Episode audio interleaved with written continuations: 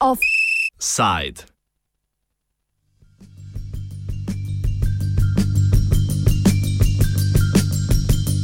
Ustavno-strankarska reforma.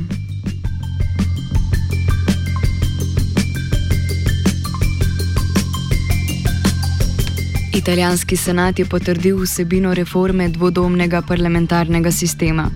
Ta predvideva ukinitev enakosti obeh domov, to je senata in poslanske zbornice, ki imata v trenutni ureditvi enako zakonodajno moč. Prav tako pa mora vlada ob morebitni nezaupnici prestati glasovanje v obeh domovih. V novi ureditvi bi senat izgubil pristojnost za potrjevanje zakonov in glasovanje o zaupnici vladi. Število senatorjev bi se z 315 zmanjšalo na 100, ti pa, bili, ti pa bi bili voljeni skupaj z volitvami v deželne svete. Včerajšnje glasovanje predstavlja konec tretje razprave na to temo in zadnje, na kateri so bile še mogoče vsebinske spremembe. Do uveljavitve pa bo nova ureditev morala prestati še dve potrditvi v poslanski zbornici in še enkrat v senatu, na to pa še na referendumu, ki je predviden čez približno leto dni.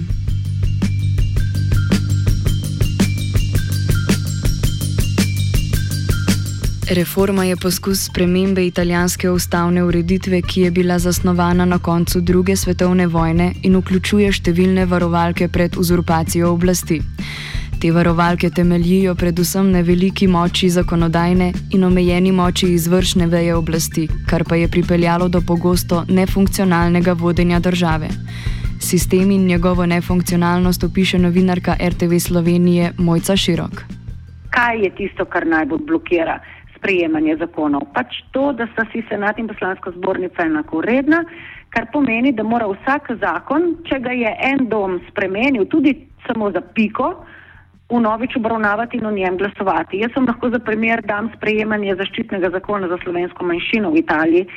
Novinari, ki smo spremljali ta potek, včasih res nismo vedeli, kaj se dogaja, ko smo videli te lobiste za zakon, v bistvu predlagatelje zakona, dobesedno terjati za poslanci in pozneje v senatorji, jih vleči za rokave in tako naprej, moledovati, ne vendarle ne spremenijo tega ali onega odstavka, tega ali onega člena. Ker je to pomenilo, da bi moral zakon potem, ko je bil enkrat sprejet v enem domu, nazaj v drugi dom in če ga je drugi dom spremenil, bi se moral nazaj vrniti v prvi dom, kar bi podaljšalo postopke, s tem, da je v tistem času recimo vse čas vesela grožnja paca vlade in so se podporniki zakona bali, da ta zakon ne bo, ne bo sprejet. Ker če bi padla vlada, preden bi bil zakon sprejet, bi razpustili parlament in seveda bi bilo treba spet vse začeti od začetka, ker ne bi nič od tistega, kar je bilo dotlej sprejeto v parlamentu, obveljalo. To je dejansko dejstvo in problem italijanske, recimo, sodobne demokracije oziroma italijanske parlamentarne demokracije v sodobnem času.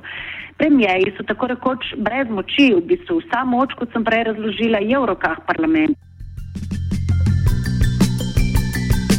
Z reformo, ki bi omejila pristojnosti senata, vlada pod vodstvom premijeja Mateja Rencija skuša domnevno končati to nefunkcionalnost političnega sistema. Kako bi bili po novem imenovani senatorji in kakšne bi bile njihove pristojnosti, opiše članica poslanske zbornice iz vrst Rencijeve demokratske stranke Tamara Blažina.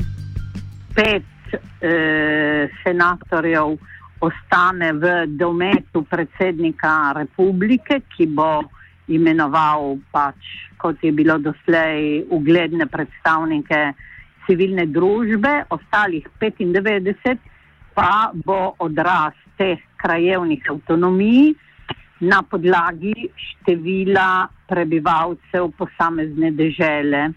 Se pravi, da večje dežele bodo imele več predstavnikov, kot je bilo dejansko tudi doslej. Ti eh, senatori pa bodo izvoljeni usporedno z eh, izvolitvijo članov državnih eh, svetov. Se pravi, da ob kandidaturah za državni svet bodo še posebni seznami, na katerih bodo kandidirali eh, bodoči eh, senatori.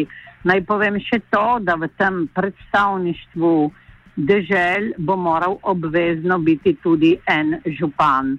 Po novem bo senat eh, lahko razpravljal seveda o vseh vprašanjih, ne bo pa eh, volil za ta vprašanja, razen za nekatere argumente, ki so direktno vezani na krajevno ureditev, na krajevne avtonomije, kar pomeni občine in eh, dežele. Nadalje bo imel senat še pristojnosti v zvezi z evropsko zakonodajo in bo sodeloval pri izvolitvi eh, predsednika republike.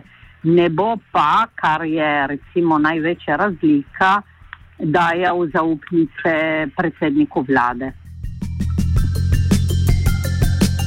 Ustavno reformo pa spremlja tudi reforma volilnega sistema, ki bi uvedla dodatne poslanske sedeže zmagovalni stranki in ji s tem dala trdnejšo večino za lažje vodenje države. Kljub poudarjanju državotvornosti pa mojca širok izpostavlja, da je skupek teh dveh reform gnan tudi ali predvsem strankarskimi interesi, saj je pisan na kožo trenutno vladajoči demokratski stranki. Jasno, da gre najbolj na kožo stranki predlagateljici, to je levo-sredinski demokratski stranki. V tem trenutku je popolnoma jasno, da bi takšna reforma, ki pa seveda ne bo obveljala, če ne bo uh, hkrati sprejet tudi volivni zakon, ki ga prav tako načrtuje vladna koalicija premijeja Mateja Rencija, um, pisana neposredno na kožo demokratske stranke. Oba dva namreč daje ta stranki, ki na volitvah dobi največ glasov, tako rekoč neomejeno oblast. In to je tudi tisti največji očitek, ki ga opozicija in nasprotniki te reforme uh, seveda očitajo pre, uh, premijeju in njegovi stranki. Da bo porušila nekdanje proporcionalna razmerja v italijanski politiki in podelila preveliko oblast uh, zmagoviti stranki in s tem tudi premijeju. Mogoče samo ena pripomba. Ko je nekaj približno takega pred leti poskušal Silvio Berlusconi, je bilo pol Italije na ulicah, ker so se zavedali te nevarnosti in ker se jim je zdelo pač neprimerno. Takrat so imeli pred očmi Silvio Berlusconi in njegovo stranko. Danes imajo pred očmi Mateja Rencija in levo-sredinsko stranko. Ampak to, kar Renci v bistvu zdaj poskuša in mu tudi uspeva, je poskušal tudi Silvio Berlusconi. Premenilo se je to, da je Berlusconijeva stranka razpadla, Berlusconija so pa dobesedno nagnali z oblasti. A ne Berlusconijeve stranke danes tako rekoč več ni, tako v parlamentu, kot tudi med voljivci. Danes je tista stranka, ki pobira največ volilnih glasov v državi, demokratska stranka premijeja Mateja Rencija. Kratka, Mateo Renci se točno tega zaveda in zato tudi hiti, ker želi unovčiti to podporo, ki jo ima na naslednjih volitvah, se pravi, pobrati čim večje število volilnih glasov. In potem v bistvu na ta način uh, krojiti Italijo, tako kot se njemu zdi, da je pravilno. Renci je za zagotovitev podpore ustavni reformi odigral spretno igro. Na včerajšnjem glasovanju v senatu je kljub odsotnosti kar 120 senatorjev reformo podprlo 179 senatorjev, proti pa jih je bilo le 16. Mojca širok razloži, kako si je Renci zagotovil to podporo. V bistvu, zakaj je to šlo tako gladko? Ker kljub temu, da ima vladna koalicija v senatu dost, do, precej tvegano večino. Uh, Denis Verdini, ki je bil dolga leta eden najtesnejših sodelavcev Silvija Berlusconija in ki je tudi politik, nad katerim visijo številne obtožbe in upletenosti v preiskavo različnih toživstev zaradi korupcije in zlorabe položaja, je bil eden od teh zaveznikov, o katerih sem govorila prej, ki je v tem primeru premijeju Renciju ponudil roko. Namreč izstopil je iz Berlusconijeve stranke, z njim pa še nekaj drugih senatorjev, ustanovili so svojo neodvisno senatno skupino in podprli uh, to reformo. Ne? Tako da premijer v bistvu ni potreboval nobenih drugih glasov. Ne? In opozicija je to tudi vse čas vedela. Največja, v bistvu najbolj tvegana opozicija tej reformi v senatu je bila notranja opozicija znotraj demokratske stranke, ki pa jo je premijer precej hitro obvladal. Ne? Če ne, ne na zadnje z najbolj banalno grožnjo, ok, če ne bo šla skozi, gremo pa na volitve in potem vas ne bo nihče več kandidiral. Cinično povedano. In, uh, in to se je potem tudi zgodilo. Ključne glasove za to, da je primer, eh, reforma šla precej gladko skozi, je pa poskrbel nekdani Berlusconijev sodelavec Denis Verdini. Kljub temu, da je ustavna reforma prestala najzahtevnejši izziv v senatu, pa bo, kot omenjeno, do njene uvedbe preteklo še vsaj leto dni. Mojca Širok našteje nekaj točk, pri katerih se še lahko zatakne.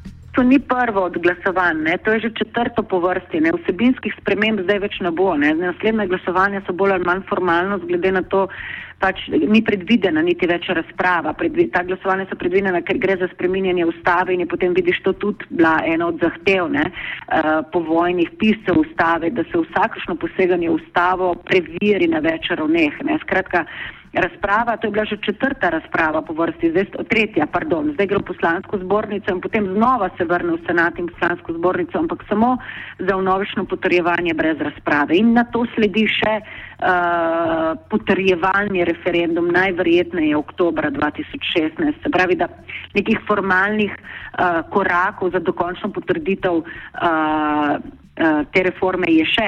Ampak zdaj sva od tukaj do leta 2018, ne, ko premijer pričakuje nove volitve, je še kar nekaj časa. Ne. Um, predvsem pa mora parlament v tem do takrat sprejeti tudi to volivno reformo, ker ustavne reforme ni mogoče uveljaviti brez volivne reforme, zaradi tega, ker sedanji volivni zakoni ne predvidevajo samo enega poslanske, enega parlamentarnega doma. Šele nova volivna reforma predvideva volivni sistem za takšno politično ureditev, kot jo predvideva ta ustavna reforma, se pravi za, za senat takšen, kakršen ne bo ponovem. Ne.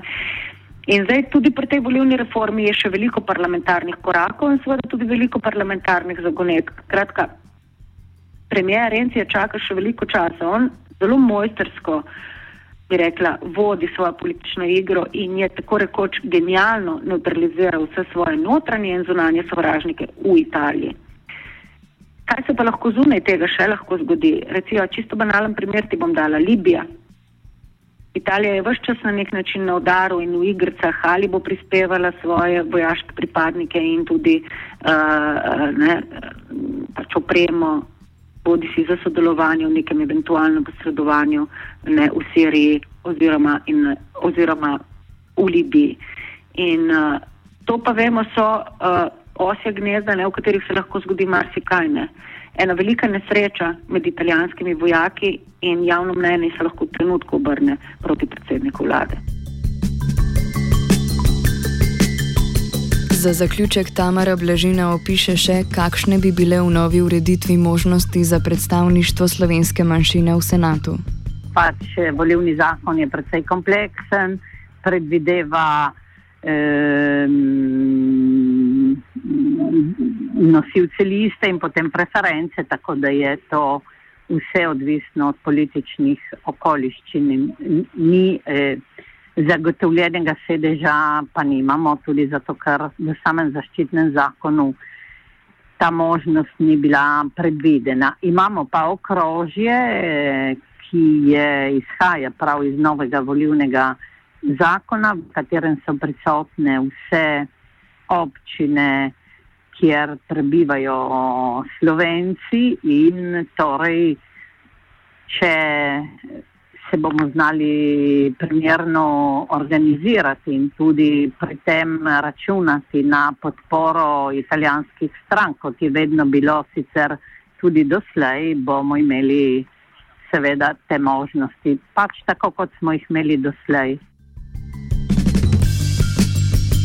Offset je pripravil Twitter.